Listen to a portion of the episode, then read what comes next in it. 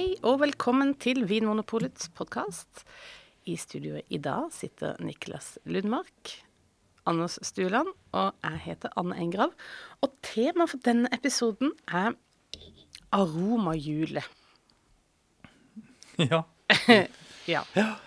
Um, aromastøttehjulet ja. Ja. uh, kom jeg på nå. At det er jo, kan man også brukes som et, et, et eh, navn. Det er for det er et hjelpemiddel. Ja, nettopp. Det er det jeg tenker på. Jeg husker første gang jeg så et aromahjul. Så, så opplevde jeg det som en veldig god støtte eh, når jeg skulle smake, eller når jeg skulle beskrive vin. OK, så forklar kort, for de som aldri har eh, sett eller hørt om det før, hva det er, og hvordan det støtter det. Ja. Eh, ja, de fleste aromahjul de er jo da Det er en, en, en, en sirkel. Mm. Også inni, inni den sirkelen så er det da mange felt eh, som, hvor det står eh, ord. Eh, det står ingenting som har noe med vin å gjøre. Det relaterer seg til Mm. ja, Det kan komme eksempler. Det kan stå f.eks. jordbær da, og sjokolade, røyk, kaffe. Altså Ja, og det skal hjelpe deg å finne orda som beskriver hva vinen lukter. Ja, for det er jo tanken det at eh, den lukten av kaffe Mm. eh, Det er den du da liksom skal eh, kjenne igjen i vinen, f.eks. Og da bruke den aromabeskrivelsen kaffe. De er jo gjerne ofte, i hvert fall, eh, tredelt, disse aromahjulene. Sånn at det, det er på en måte en eh, I helt innerst så er det en mer sånn eh, generell eh, gruppe. Og så blir det litt mer spesifikt, og så blir det veldig spesifikt på aroma helt ytterst. Ja, det Det kan f.eks. være eh, frukt innerst, og så steg to er eh, fersk frukt, eh, kokt frukt, tørket frukt. Mm. Og ytterst så vil det jo da være Ja, på tørket frukt så vil du kanskje finne rosiner og svisker, og, mens på fersk frukt, ferske bær, så vil du finne sitrus og jordbær. Og, Ja. Så det blir mer og mer presist etter hvert som man beveger seg utover i denne sirkelen. yes. Ja.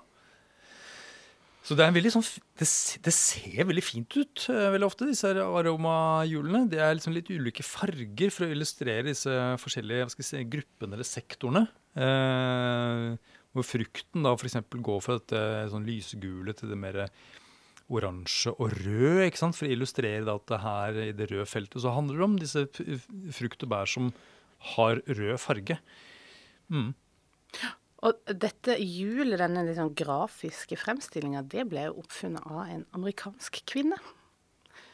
Jeg, Og jeg, går egentlig ganske seint. Jeg tenker på aromahjulet som en sånn, ja Noe som må ha vært fra de gamle grekerne, eller noe sånt. Ja.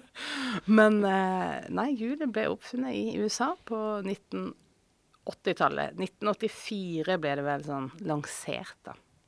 Ja, og hva het denne, denne kvinnen? Pussig nok het Anne.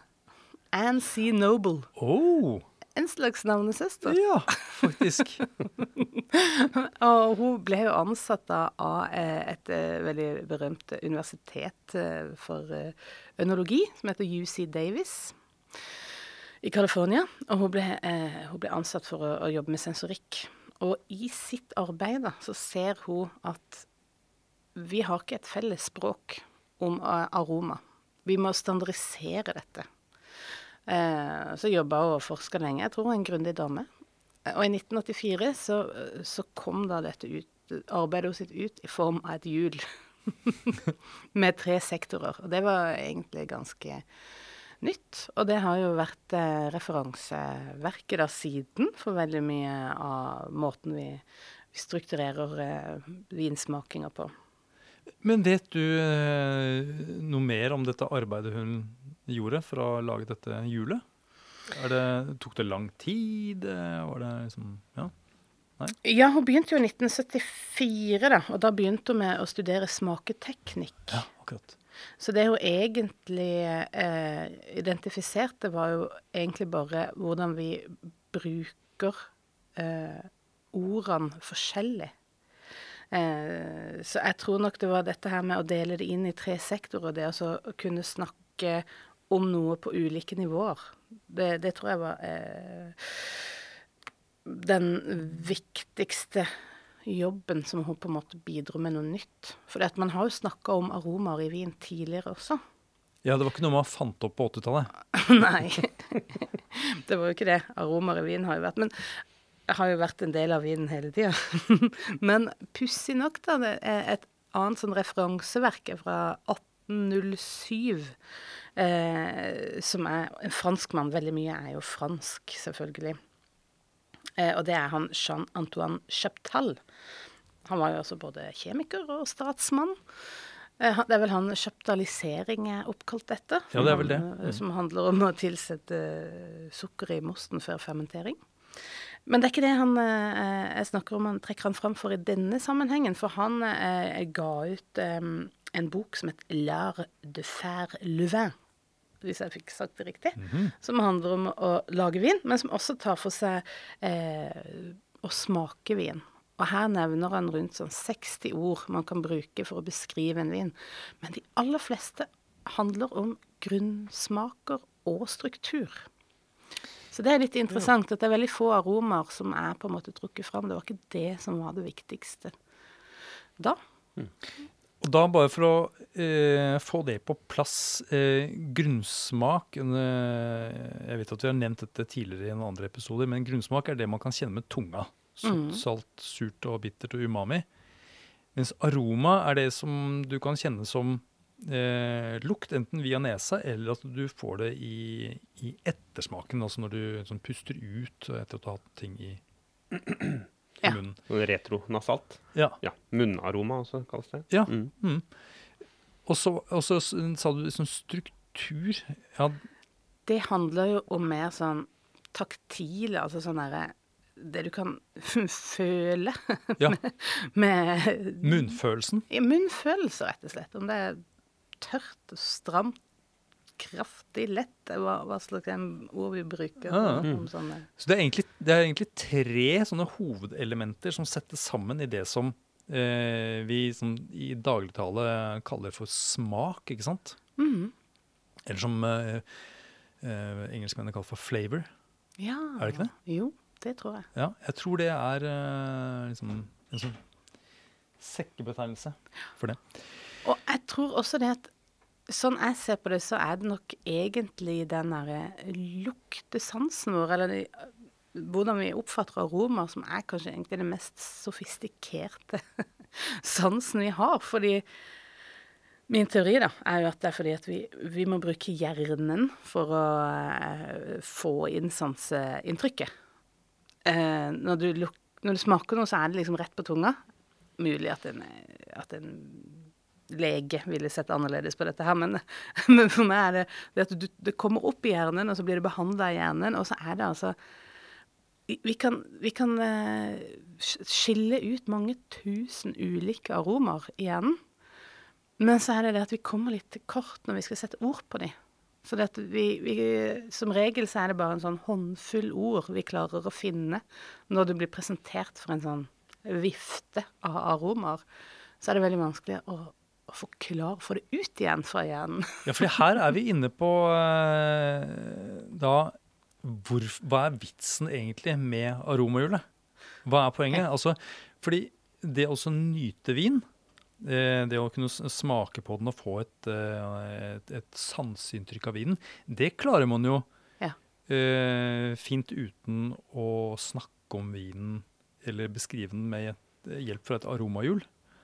Ja, det er et språkløst opplevelse. ja, så det er det når man skal begynne å, å, å kommunisere med andre om liksom, dine egne sanseopplevelser, er det da man trenger disse aromabeskrivelsene? Tenk, ja, det, tenker du det? Det tenker jeg. For jeg, jeg øh, øh, Så vidt jeg har forstått, så er det jo Vi oppfatter omtrent det samme ja, altså, vi alle stiller i utgangspunktet ganske likt med å oppfatte aromaer, så vi kan kjenne det. Det er litt ulike terskelverdier på hva vi kan kjenne, og litt sånn noen unntak. Eh, men sånn strengt tatt så oppfatter hjernen vår disse inntrykka. Men har, det er veldig forskjellig hvordan, hvilke referanser vi har, hvilke erfaringer vi har med hvordan vi klarer å sette ord på det. Og hvordan vi klarer å gjenkjenne det, ikke minst. At det ikke bare går inn som en sånn grøt. Og der er det eh, Hvis jeg skal tro mine for... Eh, altså det, min forundersøkelser til denne podkasten, så, så er det jo bevist at hvis du blir utsatt for mange aromaer tidlig i barndommen, så har du en større mulighet til å kjenne det igjen eh, seinere i livet. Ja. Så det, du kan liksom trene de opp. Dette på en måte den evnen til å skille ut aromaer. ja. For det har jeg hørt eh, ganske mange si når de smaker vin, eh, og at de sier bare at ja, ja det lukter godt, det lukter vin. Ja. Og så, så stopper det litt der. Eh, Så det å sånn nøste opp i disse nyansene, det kan jo være en liten terskel. Men det du sier, Anne, er det at uh, så lenge du, du kan bare bruke dine jeg, sansereferanser fra ellers i livet. Mhm. Du kan ikke det. Og, og så er det også Pussig nok så er barn mer presise. Dette har jeg fra en, eh, en eh, storhet på området. En som, har, eh, en, som heter Peinot, en, også en franskmann, pussig nok, som har lagd et stort verk som heter Le Nez du Vin. Som er altså da et luktesett der han har skilt ut 54 aromaer som man finner i vin, og så lagd små eh, prøver på det. Så du kan lukte. lukte -hmm. Ja. Sånn at du kan lukte deg fram til hva er Du kan koble ordet med lukta. Mm. Eh, og han sier i et intervju at barn er I sine undersøkelser har han funnet at barn er veldig presise. Og de kan, de kan gjenkjenne lukt veldig lett. Og han kobler det til at de er ikke så De har ikke så mange sånne derre eh, følelsesmessige barrierer som, som vi voksne har. At vi liksom Vi kompliserer det med å overtenke, rett og slett. Og at det, eh, det kan være at vi, at vi gjør ting vanskeligere enn det det egentlig er. Ja, tenker du at eh, når, eh, når voksne smaker eller skal beskrive vin, så tenker de at de må gjøre det riktig? At det er noen ting som passer, og andre ting som ikke passer inn? Ja. Eh, mens, eh, mens barn er friere stilt. De bare liksom henter inn alt det de har sanset fra før, og, Ja. og bruker det som, for å sette ord på det de For lukt er jo veldig kobla til. Mm. andre ting i hjernen, som følelser og minner og eh, Så vi kan bli, vi kan bli liksom påvirka av det. da. Eh, jeg har liksom ikke helt eh, lyst til å slippe tak i det med hva som er poenget med, med, disse, med dette aromahjulet, egentlig. Hva er det Har du et aromahjul hjemme, Niklas? Jeg har det. Jeg har den originalen, Ja. eh, faktisk. Um, og det var jo et verktøy jeg også brukte når jeg skulle begynne å lære meg å beskrive vin. Uh, for å gjøre For det var litt som du sier, at uh, kanskje til å begynne med, du syns bare det, det lukter jo bare vin. Uh, og så etter hvert så kanskje du klarer å tenke er det, ja, er det, er det fersk frukt, eller er det kokt frukt, eller er det tørka frukt? Så kan det jo kanskje hjelpe deg å, å sette litt ord på ting, da. Mm. Eh, men disse nyansene, det tror jeg kommer veldig mye med trening, altså. Det å kunne skille mellom om det er rosin eller sviske. Eh, men så er det jo noe med disse referansene fra barndommen, som du også nevner, Anne. Mm. Og jeg føler også at mange snakker om når vi, når vi smaker på vin, og det, her, åh, det lukter jo som solbærbusken hos bestemor, ikke sant? Eller du har disse referansene. Eh, og så er jeg litt usikker på hva med de som ikke vokser opp med de referansene? Mm. Eh, eh, og vi har jo sittet og diskutert litt på disse her aromaene. Det er jo en del aromaer som er det, er det ting du har opplevd, eller er det ting som du på en måte bare har blitt fortalt?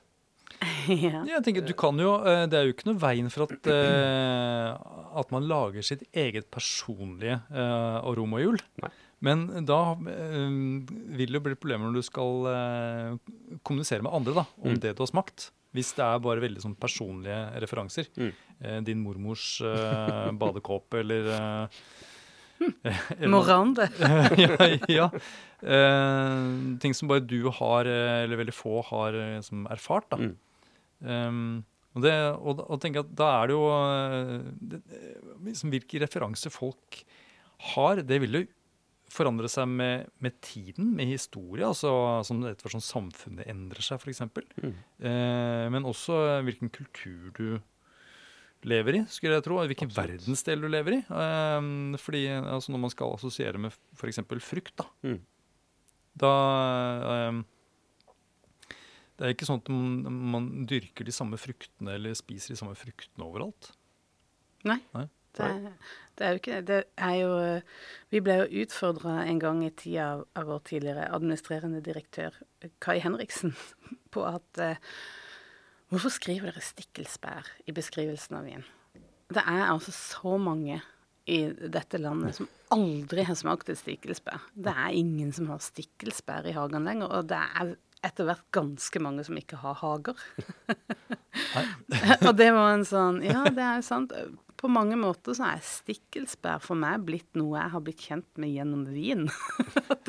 Dette er lukten av stikkelsbær, så jeg har gått den veien i stedet for. Ja, det tror du har rett i. Jeg tror stikkelsbær er etter hvert blitt et eh, eh, et mytologisk eh, bær. Mer et bær som finnes som en idé, mer enn et, et virkelig bær man plukker i, i hagen. Og solbær er vel kanskje i ferd med å bli et sånt bær òg.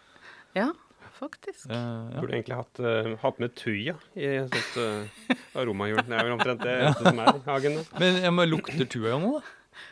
Det lukter litt sånn krydra grønt. eh, Ja. ja. Jeg, jeg, sagde ned, jeg sagde ned en sånn kjempesvær søyletuja, husker jeg, i, i hagen.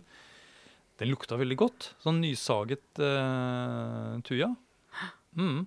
Det kunne godt vært en, en referanse i litt sånn en vin med litt sånn edelt fatpreg.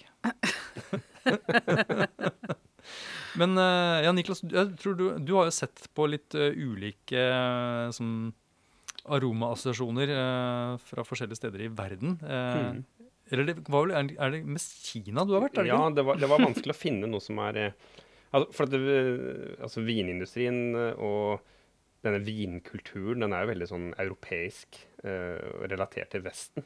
Eh, og alle disse beskrivelsene og romaene vi, vi bruker for å beskrive vin, det er jo veldig sånn vestlig, og kanskje litt sånn fransk. Mm. Eh, fransk matkultur. Eh, det er mye smør og fløte, og disse bærene er vestlige bær. Men sånn som i Asia, f.eks. Japanere, kinesere, mange der som ikke har noe altså de, de bruker jo ikke meieriprodukter gjerne, ikke sant? så de har ikke noe begrep om dette her med hvordan smør lukter, eller fløte, eller Eh, og, og det gjør det jo litt vanskelig, da, når man skal eh, beskrive Jeg, jeg, jeg så et TV-program eh, med en, en sommelier som var eh, på et, eh, en Michelin-restaurant i, i Kina. Og han hadde da både vestlige kunder og rike kinesiske kunder. Så det å på en måte snakke om vin til veldig to ulike si, kulturer, da, det var veldig, veldig komplisert og krevende. Eh, Så det er et, et australsk eh, en sånn vinorganisasjon som har lagd et, eh, et slags aromahjul for kinesiske vinkonsumenter. Og når jeg sitter og ser på det, så er det jo da jeg, har jo ikke peiling på disse her fruktene som de, disse kineserne vil bruke som referanser, da. Men et eksempel er f.eks. Vi, vi ville gjerne brukt eh, bringebær, f.eks.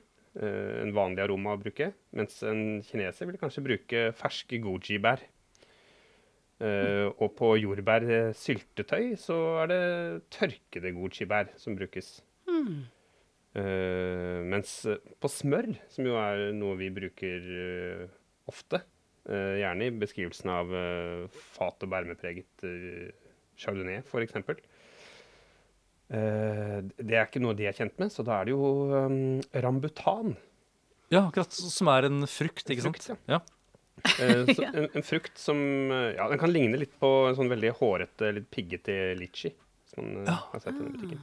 Uh, og Ja, det den er lukter jo noe sånn der, um, litt sånn smør-nøtteaktig, litt sånn sødmefullt. Litt spesiell lukt på en frukt. Uh, Det høres og, ikke fruktig ut, nei. Nei. Og, og, og asparges, eksempel. Har de ikke asparges? Eh, Det er ikke så vanlig. Nei. Eh, Så det som ofte brukes da, er noe som heter sånn pandanblader. Jeg vet ikke om du har vært borti det? Nei. aldri. Nei, det er hvis du går på en sånn type eh, asiatisk eh, matbutikk her i Oslo, så vil du nok finne det. For det er jo en sånn aromatisk palme, tror jeg det er. Eh, Uh, og det, den, den er ganske aromatisk, og det er ganske vanlig å bruke det i, i Thailand. Så kan du se at taxisjåføren kanskje har hengt opp i som en Wonderbaum. Akkurat. Nettopp. Så det er en idé man kan henge opp litt asparges i. Henge Heng asparges istedenfor ja. uh, Wonderbaumen. Så, eh, men det er litt interessant å se hvordan man eh, kommuniserer med ulike typer aroma. Ja, og, ikke, og så er det gøy da at eh, for å lage disse aro- Altså, dette gjør at man plutselig ser noen sånne aromatiske likheter eller sammenhenger da, med eh, veldig forskjellige ting. mm, Eh, sånn som rambutan og smør. da. Ja. Um, som sannsynligvis kanskje har noen sånne aromastoffer som kjemisk er, kan være det samme. faktisk. Og sånn sett så er jo det aromahjulet ganske smart, for da kan du jo egentlig bare bytte ut det tredje nivået. ja. Ja, Med unntak av meieriprodukter. Da, Ja. Hva, hva syns du pinnekjerner lukter? Eh, pinnekjerner eh, Åh Det er- ofte rista, syns Ja, jeg. Så ja, rista, ja. Og så tenker jeg sånn sånn- majar. Jeg også tenker noe sånn nesten sånn Nei, ikke mandelaktig, egentlig. Kanskje mer nærmere hasselnøtter. Men ikke så Det er Ikke så nøttete. Dette nei. Det her brukes også som et alternativ for vanilje. Nei, det er ikke Nei, enig. det er ikke Nei, men ja ja. Nei, da mm, Nei. Nei, Da ville jeg heller hatt Papp, faktisk. For, Ja. å, for å dra den litt uh, Men det er jo en litt, uh, ja, men litt mer negativ uh, Jo, men faktisk. assosiasjon. Ja. Det er vanilin. Ja, vanilin er jo ja, cellulose. Mm. Ja, nei, men eh, Og det, og det eh, dette er at eh, Kina, da, eller Asia, har da sine um, aromaassosiasjoner. Det, eh, det viser veldig tydelig det at eh, det er ikke noe poeng å ha sånne aromastasjoner hvis ikke du forbinder noe med det. Ja. Altså Dette ordet må, må fylles med et erfart sanseinntrykk for at du skal kunne bruke det i, eh, i når du smaker vin Mm. eller hva som helst annet, egentlig. Det blir litt samme som at du, du kan lære om fargen rød, Mm.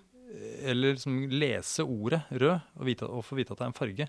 Men hvis ikke du har faktisk sett fargen ja. Eh, i sammenheng med ordet, så, så gir det jo ingen mening. Men, eh, men når det gjelder farger, så er det kanskje såpass Altså, det Du ser den Ja, nei, kanskje ikke. Er det noe Fins det noe eh, farge Ja, det fins jo fargekart. Ja, du tenker på at det er allikevel en fare for at folk eh, har litt ulik oppfatning av hva en rødfarge er. Ja. Ja. Uh, mm.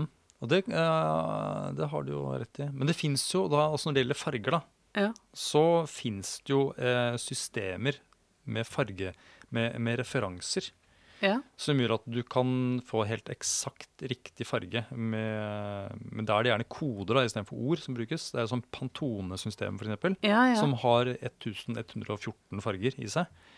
Det er jo et, eh, et sånt fargesystem som gjør at du alltid får den samme fargen når du bruker eh, en kode, f.eks.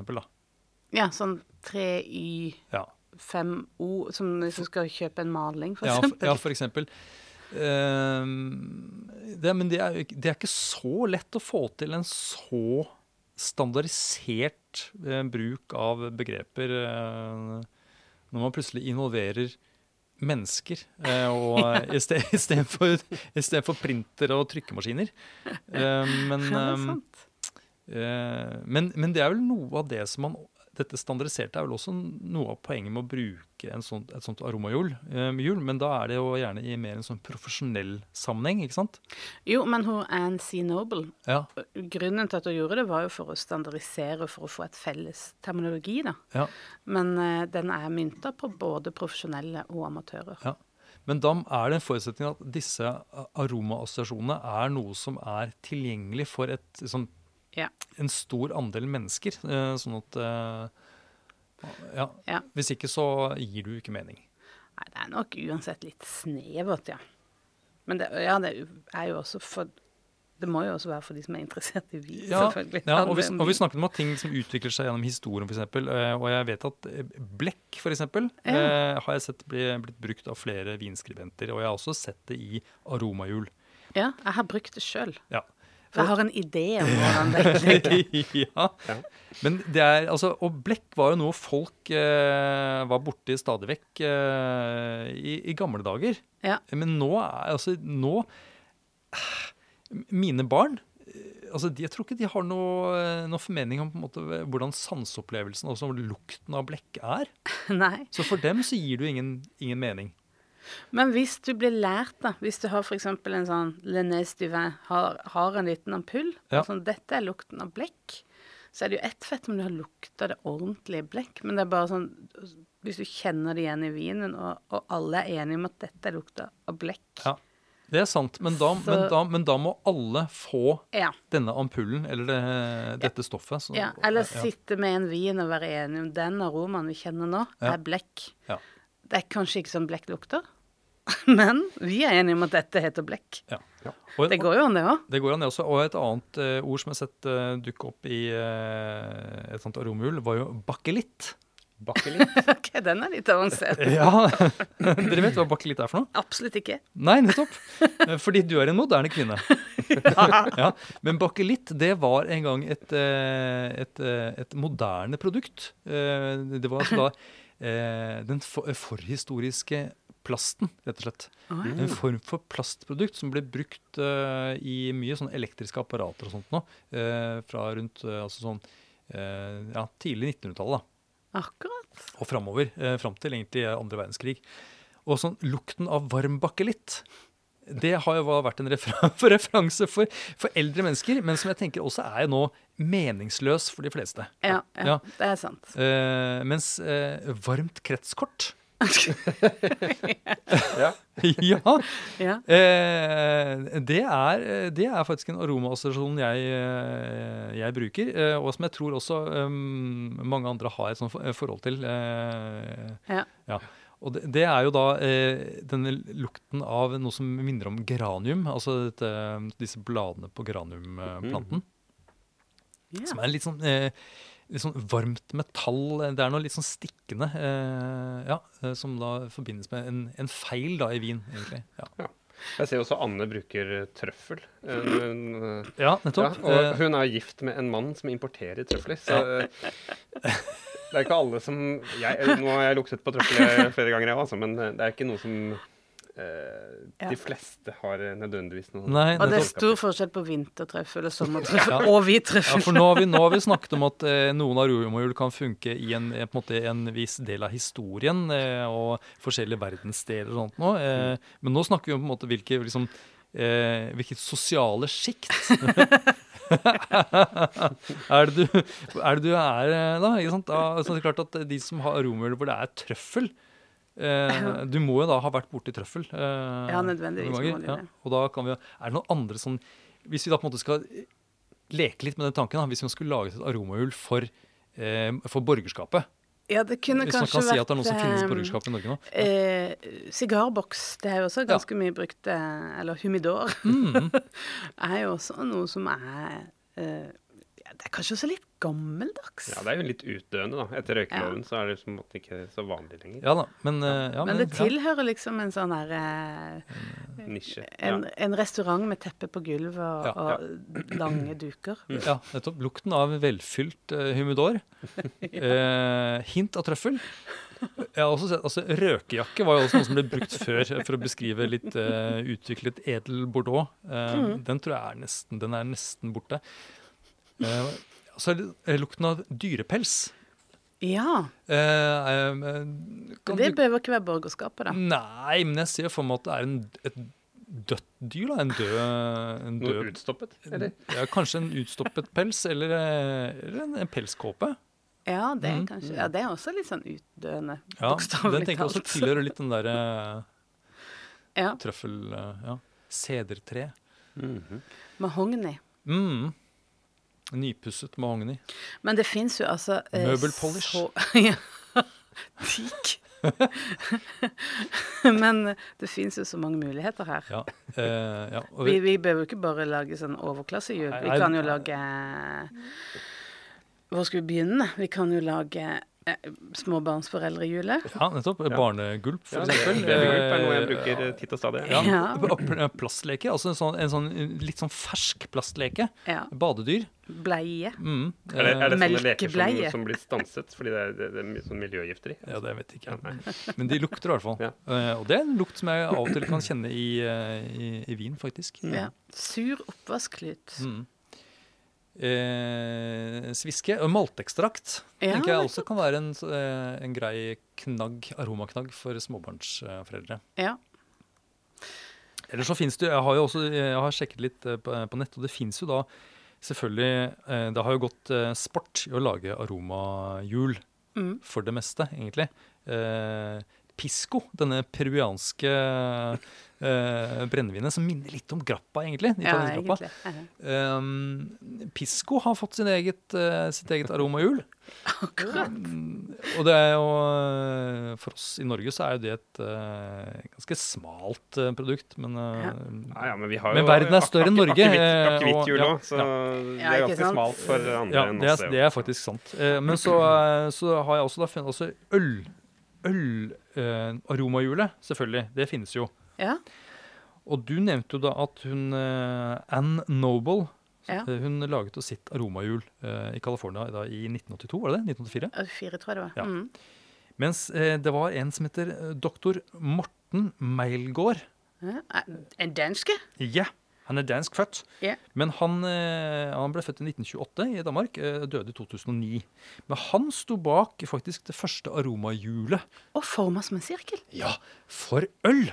Åh, Og så det- hjulet er fra Danmark? Eh, ja, men, i, men født i USA, da, Ja, OK. på en måte. Mm. Eh, men det kom da en eller annen på løpet av 70-tallet. Litt sånn eh, vanskelig å forfatte akkurat når, men i løpet av 70-tallet så lagde da doktor Morten Meilgaard dette ølaromehjulet. Han var kjemiker, spesielt interessert i gjær og gjæring, og jobbet da for eh, noen store bryggerier i USA.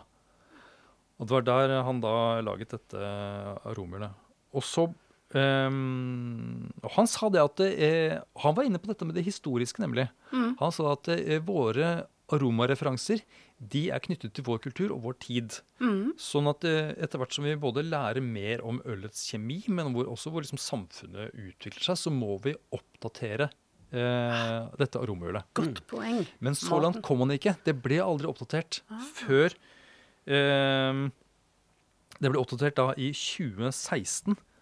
Og det jeg legger merke til der, er at eh, det er et aromahjul som er eh, rettet mye mer inn på spesialistene og de profesjonelle. Mer enn en eh, hverdagssmakerne. Ja, for det er sånn kjemiske ord. Nettopp! Mm. Og det syns jeg er interessant, at istedenfor at det står referanse som smør, så står det heller diacetyl. Som er altså den kjemiske komponenten som er ansvarlig for den aromaen. Det er jo mer presist på en måte, men det er jo ikke et støttehjul lenger. Nei, og da tenker jeg at da, da er det jo et spesialverktøy for de som eh, er kjemikere og bryggere, eller de som er, sitter i sånne sensoriske panel. da. Men Et Mm. annet ord som dukket opp der, var jo isoamylacetat. Mm. Som du det, Dette er et, et kjemisk stoff som vi eh, er borti veldig ofte. Det er den derre bananaromaen, Ja, Ja. nettopp. eh, som ikke er så uvanlig i en del eh, rimelig hvitvin, f.eks. Ja. Og mais, var, boksmais, hva er det for noe igjen? Det er, ja, det er dimetylsulfitt. ja. Mm. Nei, så Det synes jeg det er interessant, men det er klart, det er jo litt fremmedgjørende sikkert for mange. da, Og så sitte med et aromøl hvor det står sånne, eh, sånne mm, kjemiske komponenter. Og når vi først er inne på dette med kjemiske komponenter, ja. eh, så, så vil jeg gjerne trekke fram et annet, eh, nemlig. Og det heter 4-metyl-4-mercapto-2-pentanone. Elsker det. ja, Siden det er så langt navn, så har den fått forkortelsen 4-MMP. 4-MMP, altså. Ja. Eh, For det jeg skal fram til nå, er nemlig en litt morsom historie som illustrerer eh, hvordan eh, Altså det du forbinder med aromasesjonen, hvordan det kan prege hvordan du bedømmer kvaliteten i det du, sma i det du smaker. Ja. Skjønner du hva jeg mener? Jeg skjønner. Fordi eh, 4-MMP, dette stoffet med det lange navnet, eh, er, eh, gir en aroma som minner om kattepiss. Ja. Og det er, for, eh, og det er, det er et feromon da, i eh, hannkattepiss som lukter det samme som 4-MMP. Mm. Men 4-MMP det finnes også i solbær og i pasjonsfrukt. Ja. Mm. Det gir litt mening for meg. Ja, det gjør det, ikke sant? Ja. at de har, de har noe til felles, eh, disse tre aromaassosiasjonene. Og det, det er denne 4-MMP, da. Så var det da en, eh, nok en doktor, doktor Bill Simpson i Chicago, som eh, utførte da et eh, en liten, eh, lite forsøk. Han hadde da et, eh, en gruppe med mennesker som skulle da trene opp i det å kjenne igjen aromaen av 4-MMP. Ja. Men han delte denne gruppa i to. Og den ene gruppa eh, eh, eh, kjente igjen aromaen og fikk vite at eh, den skulle beskrives som solbær. Kjenner dere det, sa han. Eh, den aromaen her, den, den minner om solbær. Ja, sa, sa den gruppa. Ja, det er det nettopp. Og da hadde de på en måte lært å kjenne igjen 4-MMP, men de beskrev det som solbær. Fått et navn på det. Yes. Den andre delen av gruppa, den eh, fikk kjenne aromaen av 4-MMP, og så fikk de vite at dette her er aromaen som minner om kattepiss. Og Ja, det skjønte de selvfølgelig. Ja, ja, ja, ja, ja, det lukter som kattepiss. Wow! Og da hadde de lært eh, å kjenne igjen 4-MMP, de også, men de beskrev det som kattepiss. Mm. Og så kom selve forsøket, fordi nå fikk hele denne gruppen, altså begge de to gruppene, alle sammen fikk da servert det samme ølet, men tilsatt da 4 MMP. Og så skulle du vurdere kvaliteten på ølet. Og da eh, viste forsøket det at de som hadde lært å beskrive 4 MMP med kattepiss, vurderte kvaliteten på ølet mye lavere enn de som hadde lært å beskrive det som solbær. Er For de er kobla inn i hjernen som noe negativt, og det andre som noe positivt. Nettopp. Og det syns jeg er interessant. Og det tenker jeg det er jo øh, sånn at det, ma, Språk er makt. Språk er makt, ja. er makt, og, det er klart, og det er også noe man da skal være litt forsiktig med, eller i hvert fall være bevisst. da, Hvis man lager et sånt aromahjul, så skal man, altså, Det man liksom forbinder med det, bør være kanskje noe, noe, noe positivt, i hvert fall. Ja, eh, det, det tyske, Feil eller nøytralt. Ja. det tyske vininstituttet, mener jeg det var, eh, de har jo fått litt kritikk for nettopp det. Fordi eh, etter inspirasjon av aromahjulet til Anne C. Noble, så skulle de lage en eget hjul som var spesifikt til det tyske viner. De lagde ett for rødvin, ett for hvitvin. Men det de har fått kritikk for, er at de tok vekk alt det som handla om det kjemiske. Altså petroleum.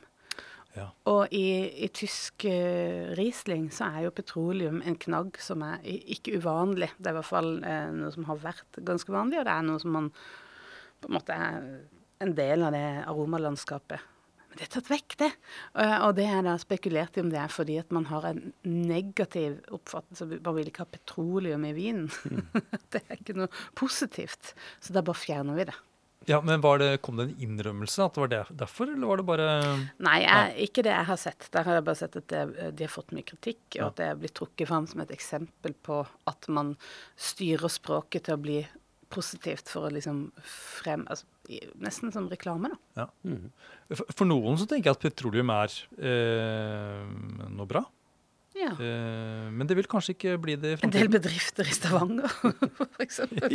ja, ja, og nå, nå, nå er vi inne på det med sånn, altså, hvor presist er egentlig det. Altså, uh, og dette hadde vi en diskusjon om uh, senest i går, faktisk. Mm. Eh, vi tre og, og Tom. Um, um, Sjefen. Sjefen vår. Og, og da snakket vi om det med petroleum, og da eh, var det litt- kom vi fram til at petroleum er jo egentlig en sånn sekkebetegnelse for egentlig veldig mange forskjellige ting. Ja. Eh, man snakker om liksom petroleumsindustrien og petroleumsprodukter og sånt nå.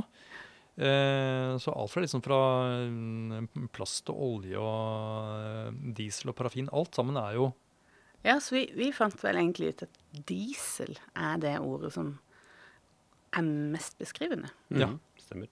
som er nærmest eh, den aromaen man kan finne i f.eks. Uh, utviklet uh, tørr tysk riesling, og kanskje enda mer i, i australsk riesling, syns jeg faktisk. Ferske Kanskje. Ja, Ja. mm. eh, ja minner da om, eh, om den litt sånn, litt sånn tunge, men aromatiske lukten av, eh, av diesel. Mhm. Mer presist ord, eh, og, og tenker jeg også noe som flere kan f- forholde seg til enn så lenge. Enn så lenge. Det er litt Enn så lenge. utdøende, det òg. Ja, ja, ja. Den blir, eh, det blir den neste bakelitten, tenker jeg. Diesel vet ikke hva det er for noe. Aldri hørt om. Den lever bare videre som på en måte noe man støtter borti i vin, egentlig. Litt sånn som stikkelsbær. Det blir bare en idé. Men Niklas, du har jo hatt den eh, litt sånn frustrerende oppgaven at vi skal gå gjennom våre aromahjul her i Vinmonopolet. Mhm. Eh, Og så prøve å få et felles eh, hjul som vi kan bruke i opplæring og til interesserte kunder og sånn. Kan ikke du fortelle litt om den prosessen? For det er egentlig bakgrunnen for at vi i det hele tatt snakker om dette nå. Ja, nei, det har jo vært en liten en, eh, en prosess. Eh, og, og så er det jo litt utfordrende, fordi man, vi ønsker jo noe som er em, eh, spesifikt nok. eh, som er nyttig, som man kan bruke i opplæring. Eh, og så skal man samtidig prøve å snevre det inn, så det ikke blir for svært og for mye. Ja, for det er av rent praktiske hensyn så har vi ikke Ja. plass til så fryktelig mange. Og, og så har vi litt ulike tanker og meninger, og prøvd å få ned på papiret hva, vi, hva er det vi bruker. Altså Det er viktig å, når vi tenker skal vi ha det med. Eh, Når brukte du det sist? Eh, Ja, har, har, du noen har du noen eksempler på sånne ting som vi fant ut at nei Bruker det ikke så mye? Uh, ja, hva er det vi har tatt altså, Men så er det noe med den der, disse referansene. Da. Jeg er jo en hagemann, eh, Ja. og det er jo for så vidt dere også. Uh, så jeg kan jo godt sette ord på å bruke mye sånne blomsternavn. Mm. Uh, men for mange så er jo ikke det så veldig meningsfullt, egentlig. Det, det, de har ikke de referansene. Så da Hvor viktig er det å egentlig å bruke det? Ja, og, det, og, det, og nå kjenner jeg at jeg, det begynner å boble i meg, egentlig. For jeg, jeg, jeg syns det, det, det med aroma er veldig veldig spennende. Mm. jeg. Og jeg har jo lagt merke til at når folk eh, beskriver vin, så har de en tendens til å være ganske presise når det gjelder fruktighet. Mm. Men så slenger de gjerne på en blomst. Ja. Eh, I form av at de skriver 'å, preg av blomster'. Ja vel, tenker jeg da. Hva slags blomster da? Har de, ikke, har de lukta på blomster noen gang? Nei, jeg tror ikke det. Fordi altså, alle Blomst, liksom. blomst, det, det lukter, kan, kan lukte veldig veldig mye forskjellig. Alt fra noe som minner om eh, moden port salut, altså osten, til eh, noe som minner om mer sånn fersken og honningaktig. Mm. Kjempespenn i aroma. Og veldig blomstrete, som, jo som en hylleblomst. Ja, så jeg tenker- ja, vi Så hadde du også... har et poeng, tenker jeg. at du, vi, du, man, må, man må presisere, hvis ikke så altså, Blomst det kan bety hva som helst. Ja. Og vi hadde jo en diskusjon her om eh, altså, eh, For Tom, og, og også for så vidt meg, så er jo fiol et veldig sånn positivt Ja. ladet uh, aroma. ja, det tror jeg det er for de fleste. Ja. Ja. Ikke deg. Jo, det er det faktisk. Eh, Jeg elsker å lukte på en, eh, en marsfiol, f.eks. På avstand. Ja, gjerne på avstand. For du har jo, du har jo vært eh, Ja, og- åpen om dette her før. At det, det, det er jo de samme aromastoffene som finnes i avføring. Ja, det er, eh, og det, nå måtte inne på sånn aromakjemi, og sånt, så er det, virker jo det veldig veldig komplisert. Men Mm. det, har, det er tydelig det at eh, noen aromastoffer, hvis konsentrasjonen blir for høy, Mm. så, så bikker det over til å, at du oppfatter det som noe annet enn hvis det er en lavere konsentrasjon. Jeg tenker at eh, noen av de stoffene som fins i eh, marsfiol, Ja. eh, kan minne om bæsj. Ja. Ja. Og det er fordi det er et stoff som heter skatol. Og der, der er vi litt inne på Hvis du setter eh, bæsj som en aromaknagg, så vil ikke det være eh, veldig positivt å finne det i vin. Men hvis du finner fiol i vin, selv om det er litt det samme, så, så ja, her kan vi eh, Ja, og jeg, styre og jeg tenker at eh, tankene våre litt. skulle jeg på en måte vært veldig eh, Og jeg må arrestere, for det fins jo eh, altså eh, en del fioler som vokser vilt i Norge, lukter jo ingenting, nesten. Det er, også, så det er denne ideen om hva fiol er. er- Det handler om, eh, om marsfiol, først og fremst, tenker jeg da, sånn i norsk sammenheng. Så det, eh, det mest presise hadde vært altså, hint av eh, fiol på avstand. Nei, hint av marsfiol på avstand. Ja. Ja, for det var vi, Jeg tror kanskje vi brukte tre kvarter på å diskutere hvilke blomster og aromaer som skulle med, og om Og hvilke som er de viktigste, og i hvilken rekkefølge Ja. disse bør dukke opp. Jeg, jeg syns det, er- det var en god diskusjon. Det var en god diskusjon. Eh, det ble høy temperatur. Absolutt. Mange Eh, følelser i spill. Ja, Men det er høyt under taket hos oss. det er det. Ja. Eh, husker det. du hvilke, hvilke blomster vi endte opp med? Hylleblomst måtte med. Hylleblomst, eller lavendel er med. Ja. Uh, oi. Og så hadde vi med nyperose. Nyperose, den er med. nyperose Den er er med. Ja, og jeg sa jeg syns vi skal bare si rose, og da utløste det veldig mange reaksjoner. For, det er eh, store forskjeller på hva en rose lukter. Har du vært eh, i Baroniet i Rosendal? Nei, det har jeg faktisk Nei, ikke. nettopp. Eh, om sommeren så er det jo et sånt rose, rosehage så du kan gå rundt og lukte på. Ja, og syrin er med. Syrin er med. Mm. Der var ikke jeg, den er ikke jeg helt med på. Men, Nei. men, men. Nei, lavendel tok vi ut. Laven- Eh, og appelsinblomst, som for meg er en sånn Når jeg hører hvite blomster, så tenker jeg ofte på appelsinblomst. Mm. Det er min favorittlukt av alt i hele Ja, jeg elsker det, og jeg har masse sitrustrær hjemme og inne og i drivhuset. Og for meg så er det en veldig sånn gjenkjennelig duft. Um, eh, men, men når du er inne på det med, med konsentrasjoner, eh, så tenker jeg også på dette med kattepiss. Mm. Uh, fordi viner hvor jeg gjerne bruker dette, så er det jo Sauvignon Blad.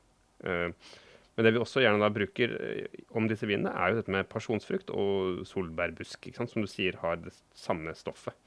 Så jeg tenker, Kan det ha liksom noe med eh, konsentrasjonen av Ja, Altså Når det blir mye av det, så blir det en sånn kattepiss-aroma. det kan være. Eller at det er eh, bare sånn eh, At det er andre stoffer i vin også som, som påvirker hvordan det andre stoffet Kryssallergi. Ja. Kryss og aromatikk. ja, er det noe annet? Jo, vi hadde jo en liten eh, ostediskusjon her også. Det hadde vi, for vi måtte da innom denne hovedgruppen som heter uh, meieriprodukter. Eller er det det Melkeaktig? Er det? melkeaktig. Melkeaktig. Eh, som er på en måte hovedgruppen. Og så skulle man da ha sånn, litt sånn presiseringer uh, litt ut på siden i hjulet. Uh, og da er det jo, tenker jeg at det er jo helt klart at man må ha med smør. Ja. Eh, det må man ha med. Mhm. Og så eh, Vil gjerne ha med fløte òg. Ja, flere av oss ville ha fløte. Tom var ikke så eh, Deilig at vi kan utlevere han uten Han er ikke her til å forsvare seg. Så. Han ville ikke ha fløte. Han syntes det var unødvendig. Han tenkte at smør og fløte det er såpass likt at der er vi allerede dekka med, flø med smør. Ja, Men han vil gjerne ha med brie. Han ville veldig gjerne ha med Bri. det var slaget i går. Det Det- var senest i går. Ja. Og, eh, hvor jeg da uh, spør hva slags Bri da, og hvilken del av brien er det snakk om. Briens anatomi. Fordi altså, denne hvite skorpen rundt brien, en litt sånn fersk Bri, den smaker nesten som litt sånn fersk sjampinjong. Ja. Mens den eh, i en sånn helt sånn streit eh, ung bri, så er jo det inni brien smaker mer som, som smør. Fløte. Ja, Fløte, smør, smør, kanskje. ja. Og litt Mm. papp. Og litt pappaktig. Ja. Eh, men så er det saken at kanskje det er da en sånn upasteurisert og moden bri. ikke sant? Ja. Og da er, vi helt, da er vi over på noe som minner mer om eh, noe sånn fjøsaktig.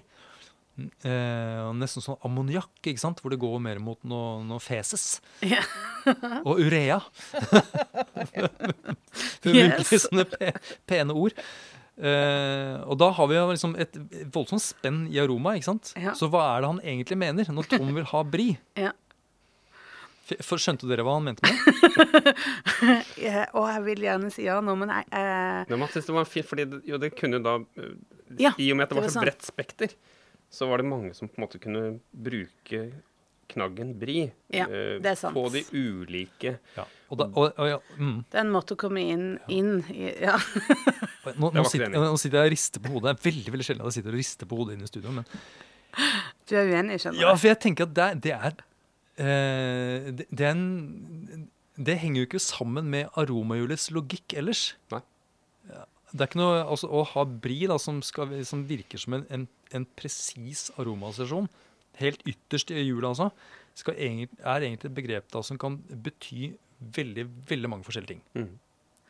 Ja. Eh, og det kommer jo tilbake til stadig vekk i går. For sånn er det jo egentlig med ganske mange aromaer, da. At, eh, at man kan si f.eks. kjeks, ja, Ja, ja. som også er en, eh, en knagg vi, vi vi bruker mye. Vi- Det var vi også inne på. Ja, og der kom Bri tilbake. Da falt vi litt tilbake i Bri-diskusjonen. når vi var inne. Hun diskuterer liksom sånn, et sånt ostebord, egentlig. Sånn ost, ost og kjeks.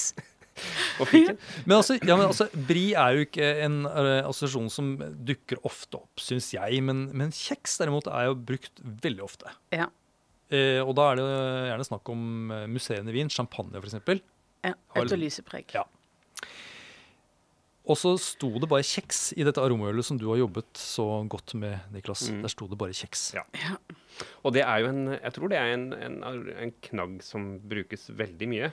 Eh, hvis, hvis du ser på hylleforkanten for uh, musserende viner laget på tradisjonell metode, Mm. så står det ofte hint av kjeks. Ja.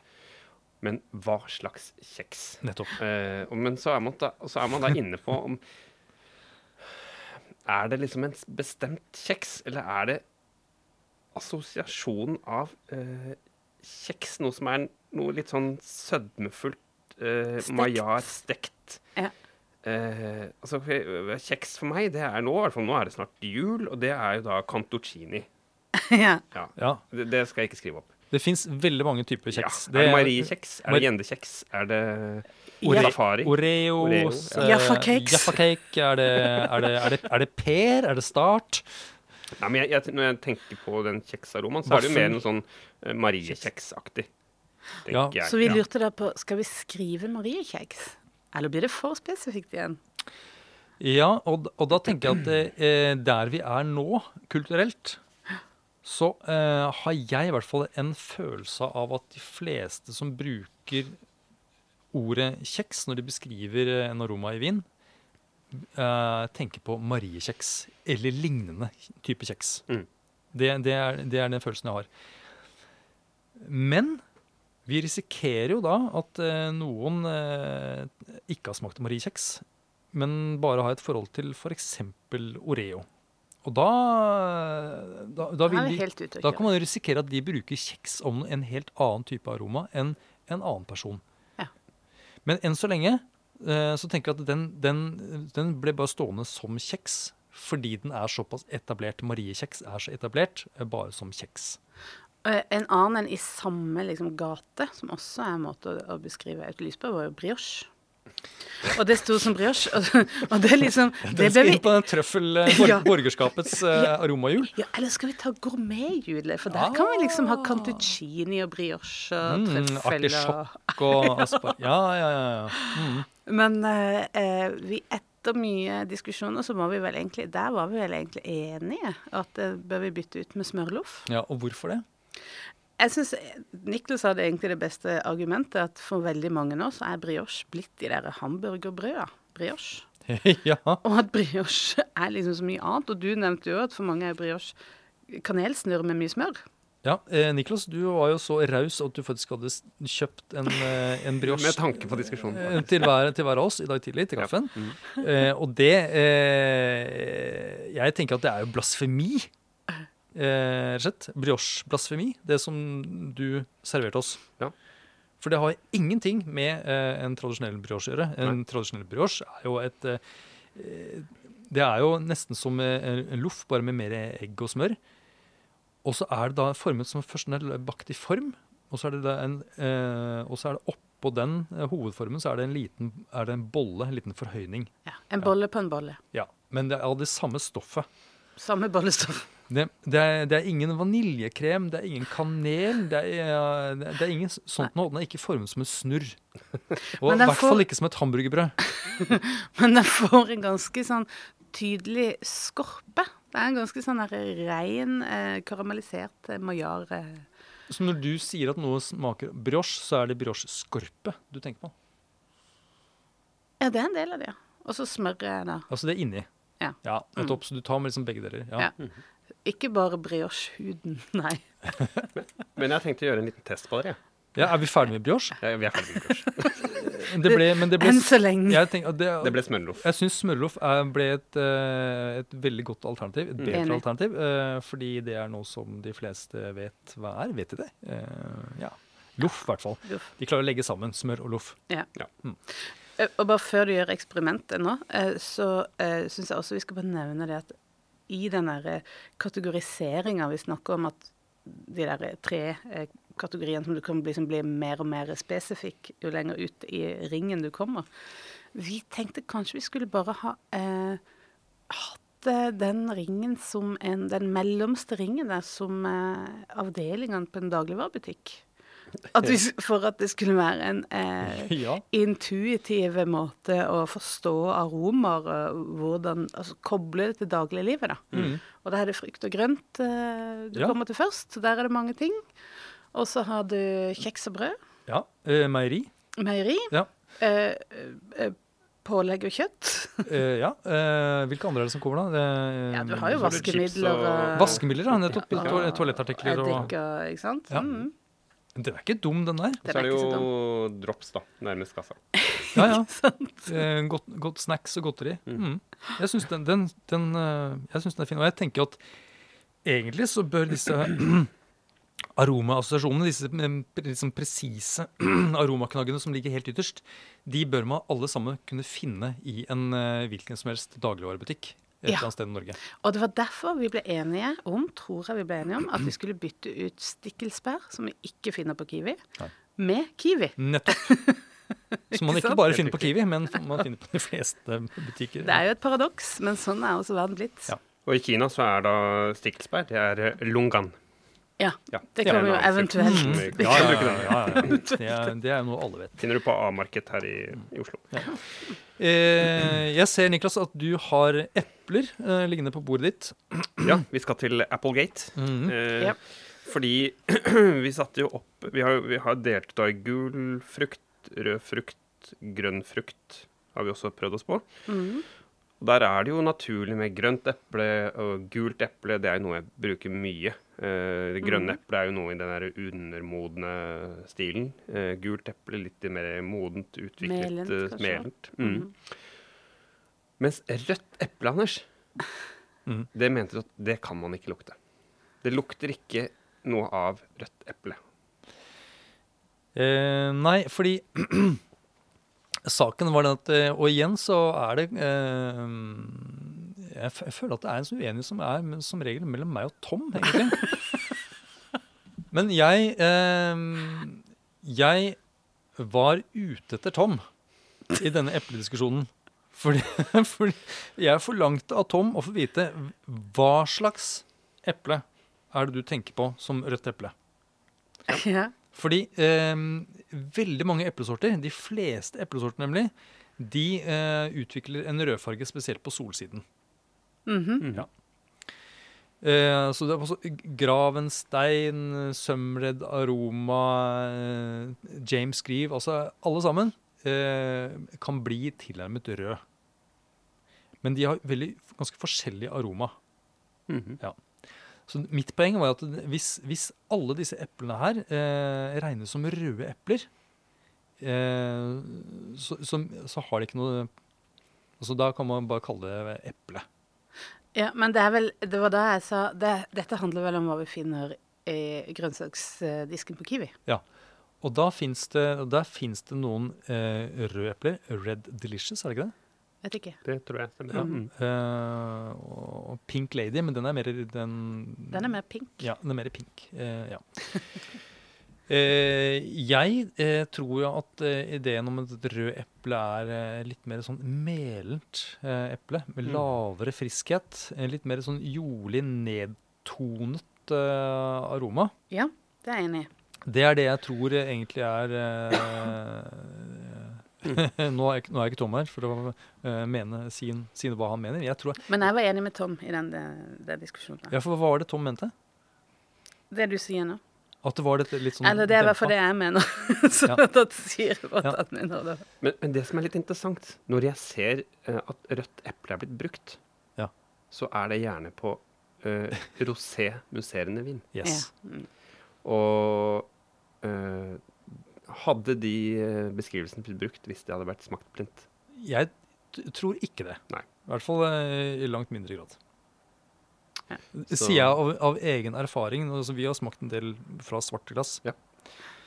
Uh, Og, og, og vi hadde jo en, en her nå i sommer, en, en smakte uh, rosévin. Uh, og vi diskuterte smaker det egentlig rosa. Ja. Eller smaker det hvitvin. nei, ja. mm. Ah, det var så- okay. Ja. Så jeg tenkte at vi skulle gjøre en test nå. Jeg har kjøpt litt forskjellige typer epler. Ja. Og så har vi noen eh, disse her eh, ansiktsmaskene vi bruker nå under korona. Å ja. Som dere kan putte foran øynene. Yes, ja. Det var litt lurt. Skal jeg det ett et, eh, skal jeg ett munnbind på hvert øye? Men du er klar over at jeg har litt sånn eplefobi? Ja, men du skal bare lukte. Å, skal jeg bare lukte? Ja. Ja, men da går det sikkert Ja, veldig eller du greit. kan spise òg, hvis Nei, men altså. eh, jeg, vet, jeg syns det er et godt poeng å bare lukte, faktisk. For det her er det vi ute etter aromaen. Det er Ja. fordi jeg tenker at det er noe med altså, eplekjøttets beskaffenhet. Altså, jeg tenker De grønne eplene er jo gjerne mer sprø ikke sant, og sylere. Yes, yes, yes. Nå har dere hendene Vi må være litt kjappe, da, slik at ikke dette eplet blir eh, brunt. Eller ja. slått. Det var jo også en diskusjon. Ja, men ikke, la, ikke, ikke begynn med det nå. Da går tida. Ok. Eh, vi sitter da med hvert vårt munnbind over øynene, og så får jeg nå et eh, Jeg kjenner epleformen i hånda. Skal jeg lukte, skal jeg lukte på det? Skal jeg lukte på det, og så er det, er det gult, grønt eller rødt eple? Dere? Dette er et gult eple. Nei, vet du, Det syns jeg er veldig veldig vanskelig å si. Eh, Nei, det er veldig lett. Eh, det er noe dette gressaktige. Eh, mye sånn eh, aldehyder, vil jeg si. Eh, Men ikke si svaret før vi har smakt det. jeg tror det er Jeg tror det er rødt. Ja. Og dere, dere kan, kan få en, en annen her også, så dere har noe å Ja, sammenligne Ja, nei, jeg syns vi skal få alle tre med en gang. Ja, Ja, sånn at ja, ikke vi Uh... OK, da kommer eple nummer to. Ja. Det vil jeg si er grønt. Enig. Det er grønt. Det, lukter mer sånn gress. Det lukter veldig likt. Ja, veldig likt, men det ene er mer sånn grønt. Dette her, gress, dette her har på en måte har på en måte enda eh, sånn friskere, mer nyslått uh, Kanskje passe på at det ikke lukter midt oppi eplekjernen. For det vil jo lukte veldig likt fra eple til eple, tenker jeg. Og jeg syns, ja. Men jeg syns jo de lukta veldig veldig likt, og jeg tenker at det er uh, Skal du få Får jeg armen Nei, jeg syns ikke de lukter så likt. ut med hånda? Ja, dette her Ja, det må jeg nesten si gult på dette, da. For nå har jeg sagt rødt og Oi, her, nei, her var det verre. For det her lukter kanskje Jeg tror eh, Jeg kommer ikke til å si he Det første sa jeg gult, men det var kanskje rødt, da, for nå er dette kanskje mer gult. Det var kanskje ikke så lett. Men eh, ja, hvordan vil du beskrive forskjellen på Den, disse tre den, jeg syns den Oi. Den siste har ikke så mye mm, av det grønne. Altså den mellomste, eh, nummer to, hvis vi lukter på, den hadde mer av det grønne. Mhm. Eh, og så var det noe av det melende eh, som eh, egentlig var veldig sånn sødmefullt melent på den Men første. som nå, nå nevner ut. du altså, Nå nå må jeg arrestere deg, Anne. Fordi du eh, sier da sødme og melent, som da ene er da på en måte eh, grunnsmaken søtt. Og det andre Det er er, eh, en munnfølelse, eller på en måte teksturen til, til eplet. Og vi har jo ikke hatt eple i munnen. Veldig upresist. Ja. Så prøv, prøv igjen. Modent eple. Mhm. Eh, Ja. mer eh, Jeg får lyst til å si en farge, men jeg skal prøve å begrense meg. Men, men jeg forbinder det med eh, modent og sødmefull frukt. Ja. Ja. Sånn som luk det lukter. Ja. Jeg vil bare si at, at dette innslaget av det sånn nyklipte gresset er litt mer dempet i det første eplet. Det er liksom Ja. den hovedforskjellen for meg. Og det tydeligst i eple nummer to, det er grønt. Det er bankers. nå holder du eple nummer to, Anne. Ja. Vil, Ja, dere ta en, vil dere ta en bit, eller bare sånn at dere, munnaromaen kanskje er annerledes? Det hadde vært litt interessant. Ja, nå vet jeg ikke helt hvilket eple som eple. Vil vi det? Nei, vi trenger ikke det. Nei, nå er jeg, veldig, jeg er litt spent. Ja, jeg, jeg, tror jeg, jeg tror jeg bytter nummer én fra gult til rødt der, fordi at det var liksom tydeligere av det der modne. Ja, ok, Så da, er det, da har vi begge to rødt på første, Og grønt på andre, og da blir det gult, og da. da har vi noe gult. Da er vi enige, da. Ja. Eh, da eh, OK, skal jeg ta, Ok, ta det, skal jeg ja. munnbindet? Ta munn. Så det var helt, helt feil. Å, shit, så feil det var. Jeg var så sikker. Wow! Så Det var- det første eplet, det var det gule eplet. Eh, Det eple nummer to, eh, som vi eh, mente var Det var vi veldig sikre på eh, var, var var grønt. på. Eh, det er da det røde eplet. Eh, og det siste, som vi mener var dette, Det var mest diffust. dette gule, Ja. det var da Her er et annet rødt eple. grønt eple. Det grønne Det Men de, altså, dette har begynt å bli, har blitt litt sånn oksidert eh, i aroma. Det går ganske fort. Men det er det jeg mener med rødt eple. Ja, det sier du nå fordi du har Nei, ser, men det lukter jo forskjell. Ja, men Men begge to er røde! Nå begynner jeg å kaste eplene her i ren frustrasjon.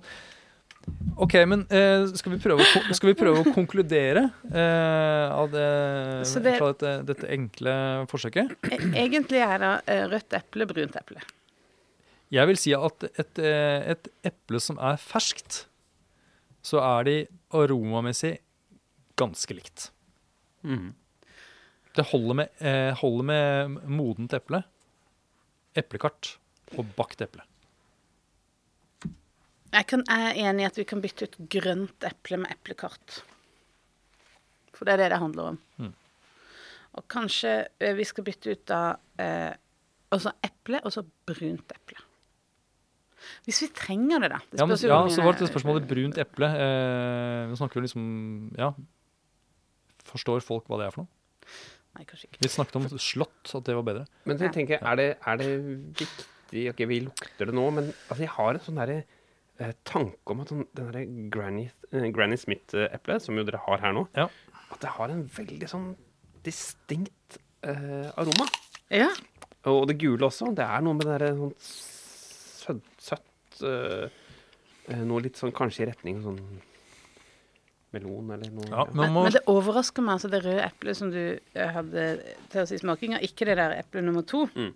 Det, er, det lukter altså så gress. Mm. Grønt gress. det er lite som altså, Aromaen av eple. Det er sånn hint at det er sånn gressaktige, det, det grønne. Mm.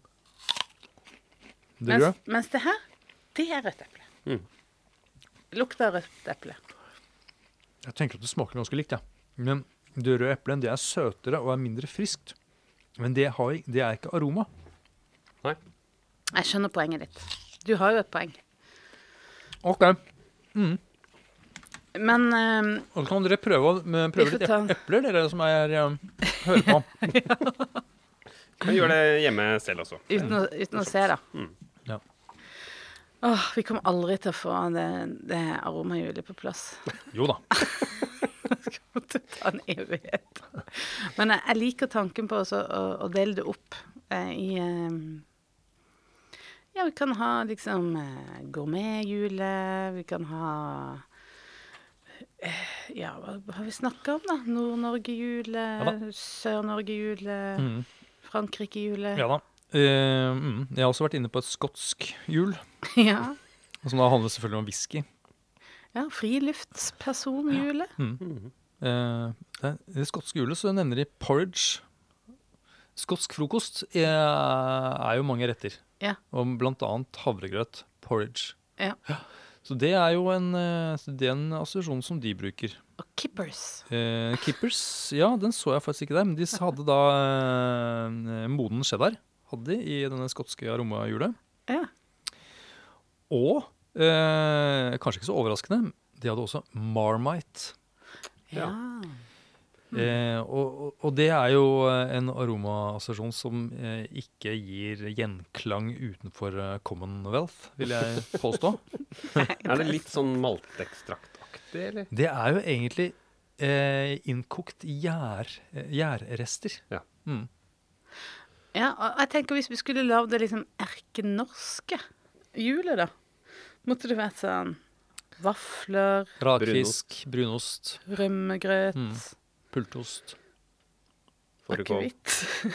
Fårikål, det er en sånn reduktiv Ja, vi har, vi har jo epler, og multer har vi. Det er masse, masse Vi har røde epler, og vi har Nei, dere, nå, eh, nå er vi i ferd med Ja. å jeg, jeg har lyst til å avslutte med noe litt morsomt. Ja. Mm.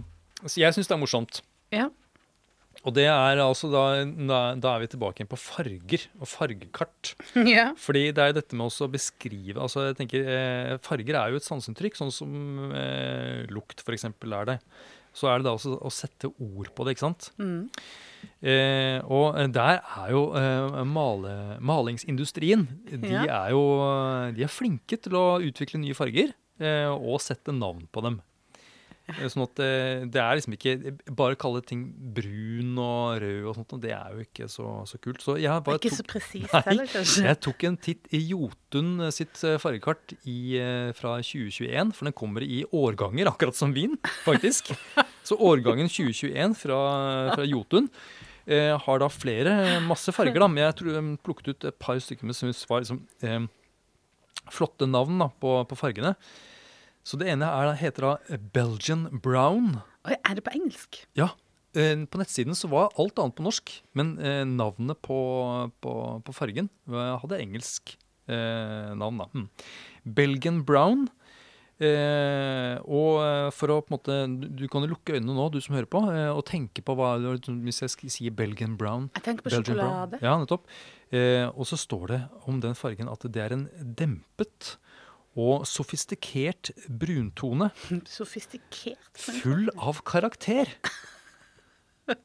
Det syns jeg, jeg er både forvirrende, men også litt fint sagt. Og det er kanskje meningen med, Ja. med dette her. Jeg tror det er mer ment å gi inspirasjon Mm. enn at du faktisk skal forstå hva fargen er. Ja, og så har de også en annen eh, farge i eh, 2021-paletten som heter Welcoming Red. Jeg vet ikke hvordan man skal få helt oversette det. Eh, Inviterende invi rød. ja, inviterende rød. Den er fin. Du har i gangen, altså. Mm. Eh, beskrivelsen der var eh, den er rustikk med en gyllen rødtone. Den er inkluderende og varm. Den er inkluderende, ja. Ja. ja.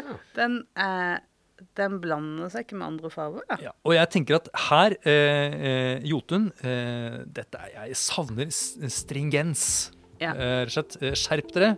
Eh, Vi kan ta et møte. ja.